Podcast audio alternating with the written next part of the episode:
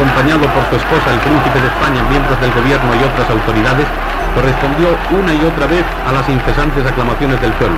Se calcula en unas 500.000 las personas allí concentradas para manifestar su adhesión al caudillo, al ejército y al movimiento y expresar su repulsa al separatismo, al terrorismo y a la injerencia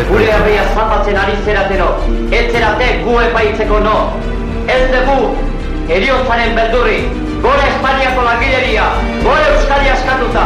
Hau farsa haundi bat da. Gora Xavi Etxebarrieta, gora Roberto Pérez Jauregui, asesinado por la Guardia Civil. Gora Euskadi askatuta. Señores letrados, este juicio es una farsa. Ha sido montado para condenar al pueblo a través de ETA. Gora Xavi Etxebarrieta, gora ETA, gora Espainiko langileria. Aberria edo hit. Tribunal hau ez dut onartzen. Nere herria da bakarrik epaitu ezakena. Tribunal hau ez dut onartzen. Gure zapaltzailea delako. Gora Xavi Etxeberrieta. Pues me quiero aprovechar esta ocasión para agradecer a los que al pueblo vasco la verdad que sufre. ¡Gora Xavi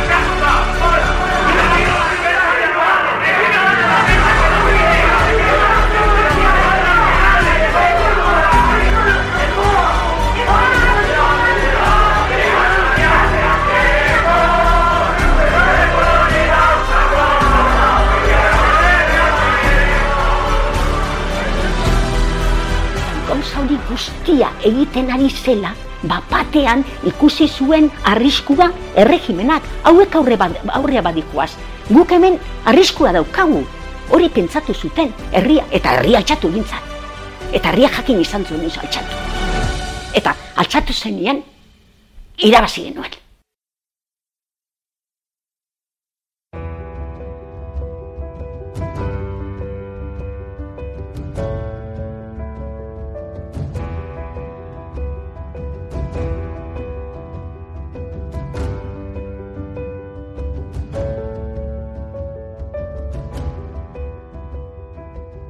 Burgosko auzia, naiz irratia, laugarren atala. Sí. Una pena que estos hombres se mueran. Bueno, se mueran, que los maten. Es la Xabi Etxebarreteren ama da, bi urte lehenago, Guardia Zibilak hil zuen semearen argazki eskuan duela. Gutxira gaixotasunez hilko den bere semearen alboan, hau, Burgosko epaiketaren arira, nazioarteko agentzia batek elkarrizketatzen duen bitartean.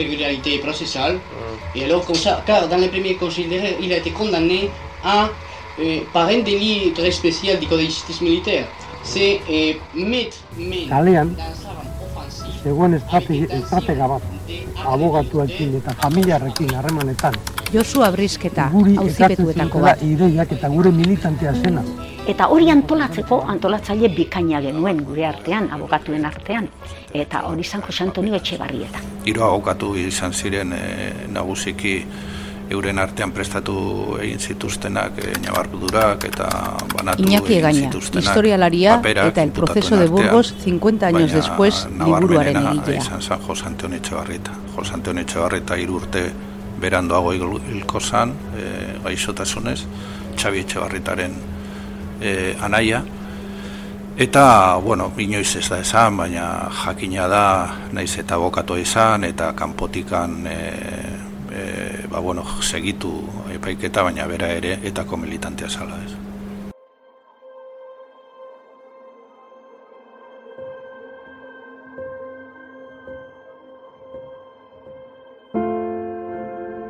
France Inter, il est 20h.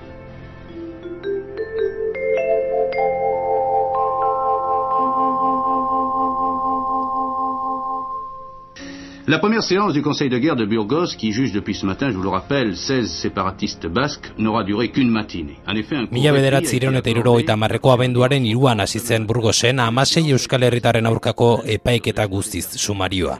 Meliton Manzanasen eriotzaren ostean militarren esku geratu ziren berriro ere auzi politikoak eta ondorioz Burgosko prozesua Burgosko kapitania orokorraren esku geratu zen. En el sumarísimo 3169 imputa a los detenidos una serie de hechos conforme al decreto Jose Antonio Etxebarrieta, Burgosko prozesuko abokatuari elkarrizketa. Este decreto de bandidaje y terrorismo de 1960 agrupa unos delitos, unos delitos eh, de opinión en el artículo segundo y unos delitos comunes en los artículos 3, 4, 5 y 6, conforme están separados del Código Penal común por su intencionalidad política. Entonces, aparte de estos hechos calificados conforme al decreto de bandidaje y terrorismo, está asimismo la muerte del comisario de la Brigada Política de San Sebastián, el comisario Manzanas.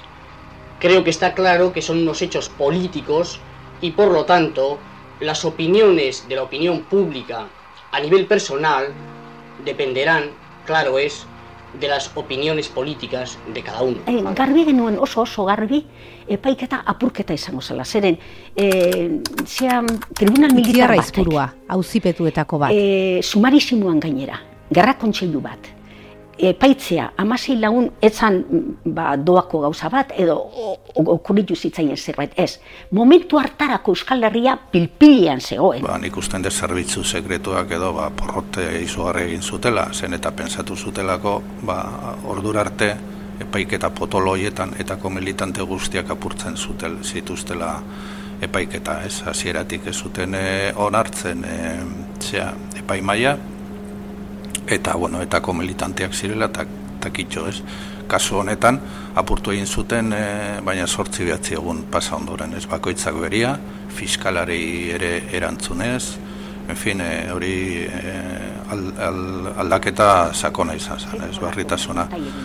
Garbi genuen apurketa izan bartzuela. Baina apurketa ez gunda apurtu, zeren ordurako itxe ziren euskera ez, esate batok hitz egin eta apurtu itxe zan epaiketa, bota itxe zituzten da horrelako gauzak. Baina ez, nahi gendun izan plataforma bat izatea, plataforma bat hain zuzen erregimenaren kontra joateko. antolatu zuten eskarmentu bat emateko eta Frankoren nahia eta plan guztia ziren ba, e, fusilatzean hiru lau personaia fusilatzea eta ja, epaiketa hori egitea. Antion Karrera, Burgosko prozesuko auzipetuetako bat. Hortako eman gio, buelta eman, eman zitzaion hori. Eta hor saiatu ginen gu ikaragarri. El pueblo era el protagonista y la pieza esencial en el interior del juicio. Y luego los abogados, tuve que decirlo, estábamos...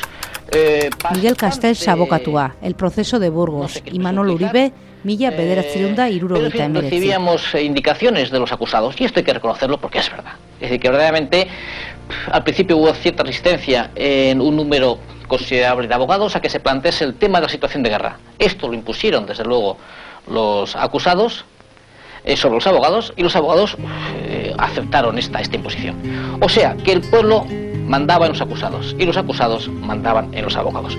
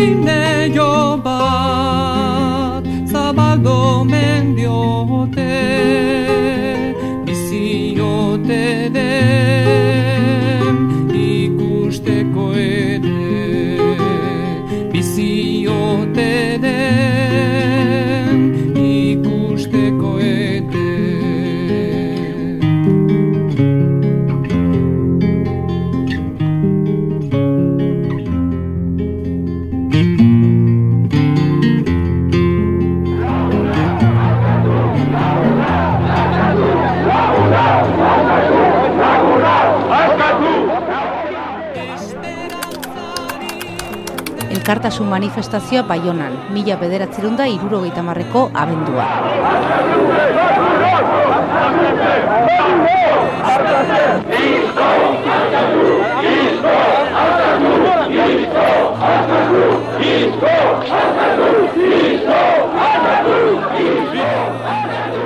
Franco e, e, irabazi zuenetik gerra ondorengo erantzuna honelakorik etzan egon. Etzan egon, beren aldetik. Eta herria zutitu zan, zutitu zan gorputz bat bezala, eh? langile mugindua nahiko indartsua, gainera belaunaldi berri batekoa, eskerra galtzaileena baizik eta urrengo belaunaldia izan zen.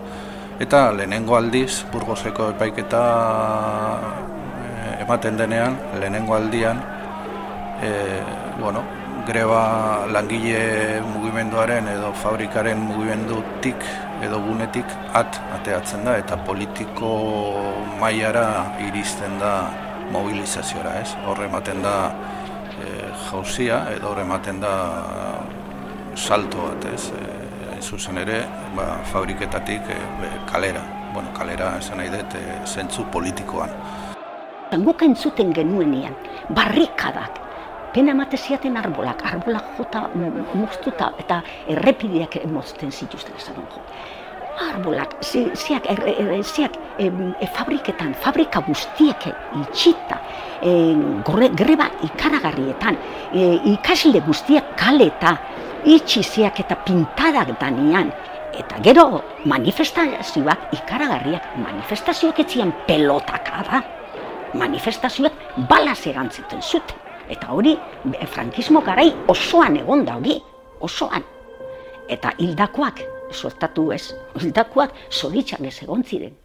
Bai Europan, baina Euskal Herrian bi egon ziren gutxienez. Hirugarrengo bat ere esaten da, baina bi ziurtasun osoz.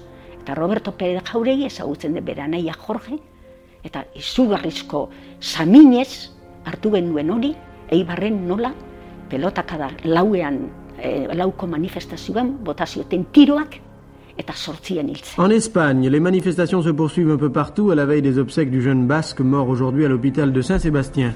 Ce jeune ouvrier de 21 ans avait été blessé vendredi au cours d'une manifestation à Eibar. La nouvelle de sa mort a été connue en début de matinée. Mobilizazio izugarriek lagundu zuten auzipetuen epaitegiko jarrera. Guztira, amaika saio izan zituen epaiketak, abenduaren irutik bederatzia bitarte. Burgosko gobernu militararen atean dozenaka senide eta lagun bildu ziren goizeko lehen ordutik, polizia armatua eta ejertzitoaren konpainia berezi baten esku izan zen kanpoko segurtasuna. Auzipetuak binaka eraman zituzten auzetegira. Euren artean euskaraz hitz egiteko debekua jasota. Belarrietan tapoiak jarri zizkieten. Prentsa frankistak gerora azaldu zuenez, euren artean euskaraz egin ez ezaten.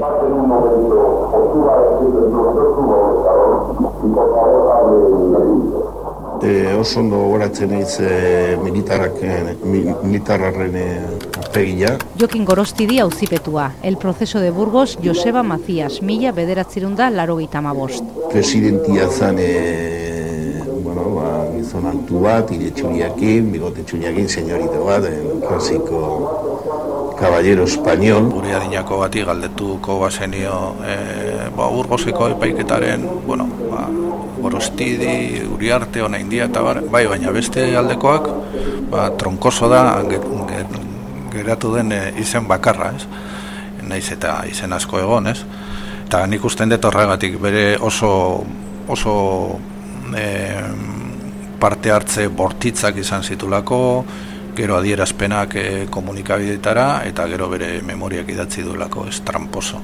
El ponente de la, de la esto, del Consejo de Guerra, era un pájaro que se apellidaba Troncoso.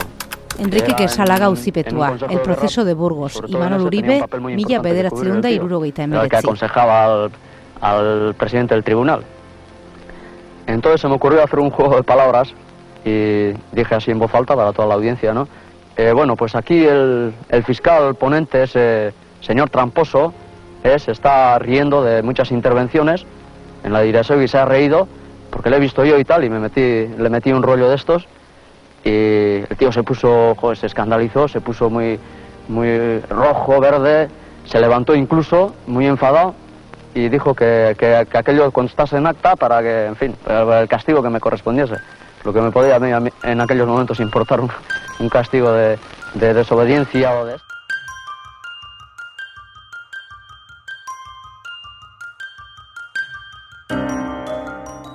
Epaiketaren lehen egunetan akusazioaren xetasunak argitu zituen auzitegiak eta abenduaren seian entzun ziren lehen auzipetuen hitzartzea. Inputatuek egiten dute garaiko argazkia. E, zergatik, zergatik bakoitzak aukeratzen du, bueno, abokatuarekin batera, aukeratzen du gai bat jorratzeko. Gero batek e, lusatzen du beria ba, epailia edo fiskalak usten diolako, beste batek ba, bereziki torturari buruz hitz egiten dutenean bere ala dute e, paimaiatik, ez? Nik paper bat jasotzen dut. Eta paper, paper bat da euskararen defensa. Ora, niretzat izan zen, bueno, hori handiena, hori handiena.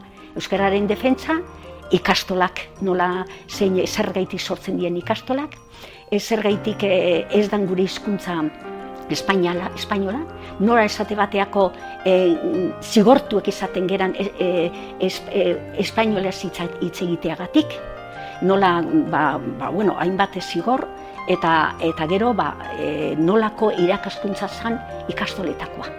Eta nola mutila eta neskak baturik ematen zala eskola. Gauza guztiak, ba, esplikatu arazi, e, abogatua eta bion artean, ba, lortu nuen nola ala, ez? momentu baten e, epaia, eba, e, e, este, epaiketa ebaki nahi izan zuten. Hain zuzen, ba, sartu nitzalako oso gogor, oso gogor beren iritziz, ba, nola tortura jasotzen genuela guk, umetan, eus, e, e, espainolez gendulako egite. Eta gero gainetik esatea, ba, beren ikaskuntza ez dela ikaskuntza normala. Nola mutilak eta neskak ezin dira no egon batea, eta inbagoz. Eta bokal batek eskatu zuen nola hainitzen e, e, ezean tribunaren aurka gogotik eta gaina erregimenaren aurka eta ezintzala hortik jarraitu eta mosteko. Eta momentu bat arrezeso bat egin egon zen, ez azkenean etzan mostu, baina ni egon nintzen oso, oso gaizki sentitu nintzen, goatzen niz malkoa ateatzen zitzaidala, zer esan go, goizegia igera mosten, goizegia igera mosten. ¿Qué día puede tener usted?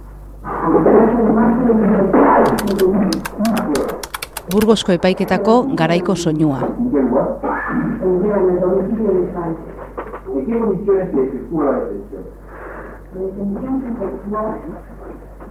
aporrearon totalmente fuerte la puerta, necesitaban echarla abajo, se abrió la puerta, entraron ocho policías armados con metralletas, nos colocaron en la pared y fijaron a mis padres porque insultaron a mi madre le dieron un, golpe muy fuerte que le, tiraron debajo de la mesa y luego a mí me cogió Sain y me tiró contra la pared eh, y, y haciéndole una gran confusión en la pierna izquierda. Luego, posteriormente, nos llevaron a filtración. ¿Podría usted decirme, padre Calzada, si esta mañana han celebrado ustedes la misa en la cárcel? Esta mañana ni esta tarde. Y creemos que tampoco esta noche, porque después de ir de, de todo esto, pues no podemos celebrar. ¿Sabe si el padre Chávez hace algunos años pensó en ir a misión? Pues tenía idea.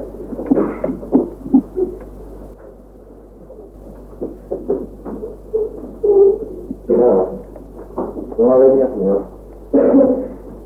Padre Rosa, conocía usted antes de, de, estar juntos en prisión a don Jesús Aristieta Costa? A Jesús Aristieta Costa desde los 12 años así, porque él era de y yo era de yo estaba de escuela en Morita Roscos y cuando era un chavalito me conocía a él. ¿Lo, ¿Lo considera usted persona de gran calidad humana y moral? Ciertamente la, la impresión que tenía de él era que era un chico que prometía mucho a pesar de todo el chaval, después lo perdí, pero en fin, tenía cualidad de jefe, solía disfrutar entre los amigos. Nada más.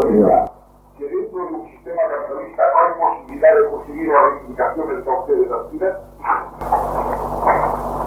Dentro de un sistema capitalista no, dentro de un sistema capitalista fascista, no. Y haber un sistema lanzado, inclinado a la evolución, y aún así creo que no es necesario porque el sistema fascista español no tiene ninguna evolución. Abenduak bederatzi, apurketaren unea iritsi da.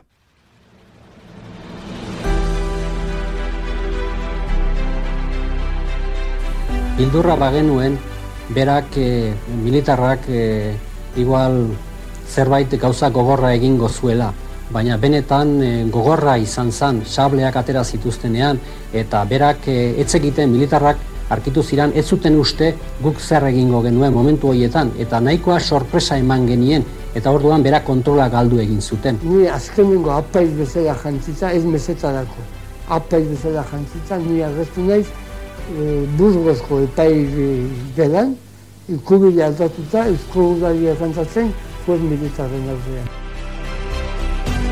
Y ahí viene la última pregunta que le hago a Mario India. Mario, ¿alguno de sus compañeros han declarado que son prisioneros de guerra y en consecuencia se han negado a contestar ninguna pregunta que supusiera facilitar otra información aquí al tribunal que aquella que se refiere a su nombre, apellidos y grado que ocupaban dentro de ETA. ¿Es que usted, Mario, y los otros compañeros no se consideran prisioneros de guerra? Y la última declaración de Mario, que es con la que se rompe el juicio, es la siguiente. Nosotros, yo, también me considero prisionero de guerra. Y me acojo los convenios de Ginebra. Lo que ocurre es que no quiero hacer uso del derecho de no contestar más que nombre y apellido, porque quiero aprovechar esta ocasión para exponer a los que al pueblo vasco la versión que sufre con España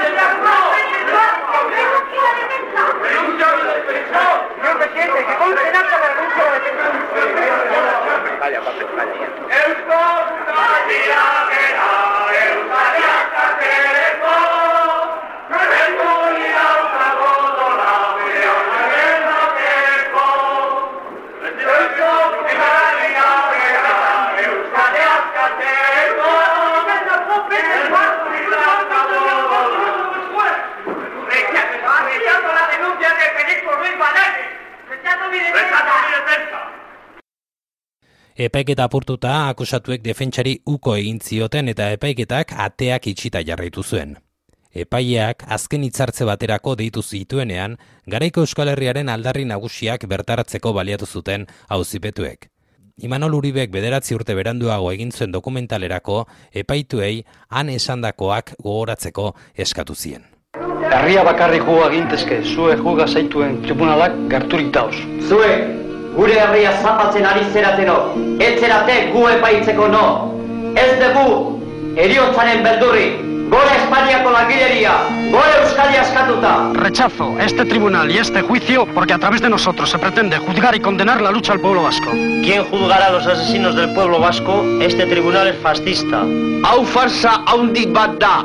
Gora Xavi Echevarrieta, gora Roberto Pérez Jauregui, asesinado por la Guardia Civil. Gora Euskadi askatuta. ¡Irautza a la il! ¿Quién va a juzgar a los asesinos del compañero revolucionario muerto en Eibar por la Guardia Civil por protestar contra este juicio?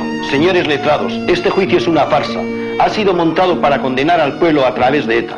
Gora Xavi Echeverrieta, gora ETA, gora Espainiko langileriak. Aberria edo hil. Langileriak eta Euskal Herria bagarri juzgan azake. Langileriak eta Euskal Herriak daraman burruka epa nahi duzuelarik? Tribunal hau ez dezaket onar. Lucharé mientras viva contra el fascismo y por la liberación de mi pueblo. ¡Viva la clase obrera! Tribunal hau ez dut onartzen. Nere herria da bakarrik epaitu nezakena. Tribunal hau ez dut onartzen, gure zapaltzailea delako. Gora Xabi Etxeberrieta, gora Eibarren hildutena, gora Irunien hildituztenak, gora Euskadi askatuta. Nor dira fascista traidore hauen neri eta nere herrieri juzgatzeko? Tribunal hau farsa bada. Nere herriak juzgatuko iteun batean behar balimada. Zuen aurrien, zuen aurrien ez zebez. Prozesu hau farsa hutsa da. Ez dut onartzen tribunala. No quiero que mi abogado me defienda. Gora Euskadi askatuta! Abendu amaieran ezagutu zen sententzia. Sei eriotza zigorreko eskaria, bederatzi eriotza zigorretan bihurtu zen, eta dozenaka urtetako espetxe zigorrak ezarri zituen hauzitegi militarrak. Egun gutxira, Franco diktadoreak berak, amore eman, eta gabonetako diskurtsoan iragarri zuen indultua. Irabazi, irabazi dugu, odolez tamalkoz irabazi dugu. Irabazi, irabazi dugu, burdinen atzetik irabazi dugu. Igudari, herriko zaindari, gernikako sua begietan arreki. Hau loria, gosko hauzia, ez batari nausitu zaio herria. Ekin ez etzan lotara, bideari egun dator, odoletan dator argi astea. Zabal bat dugu nahi, armadan zuntzitu, urrea ere bai askatasuna dugu nahi. Euskadi berri bat dago gure zai. Irabazi, irabazi dugu, odolez tamalkoz irabazi dugu. Irabazi, irabazi dugu, urdinen atzetik irabazi dugu. Igudari, herriko zaindari, gernikako sua begietan argi. Hau loria, bosko hauzia, ez batari nausitu zaio herria. Bultza, bidean ez jarri, zer ditan bultza, bultza, eskuak odolduz, bultza eta bultza.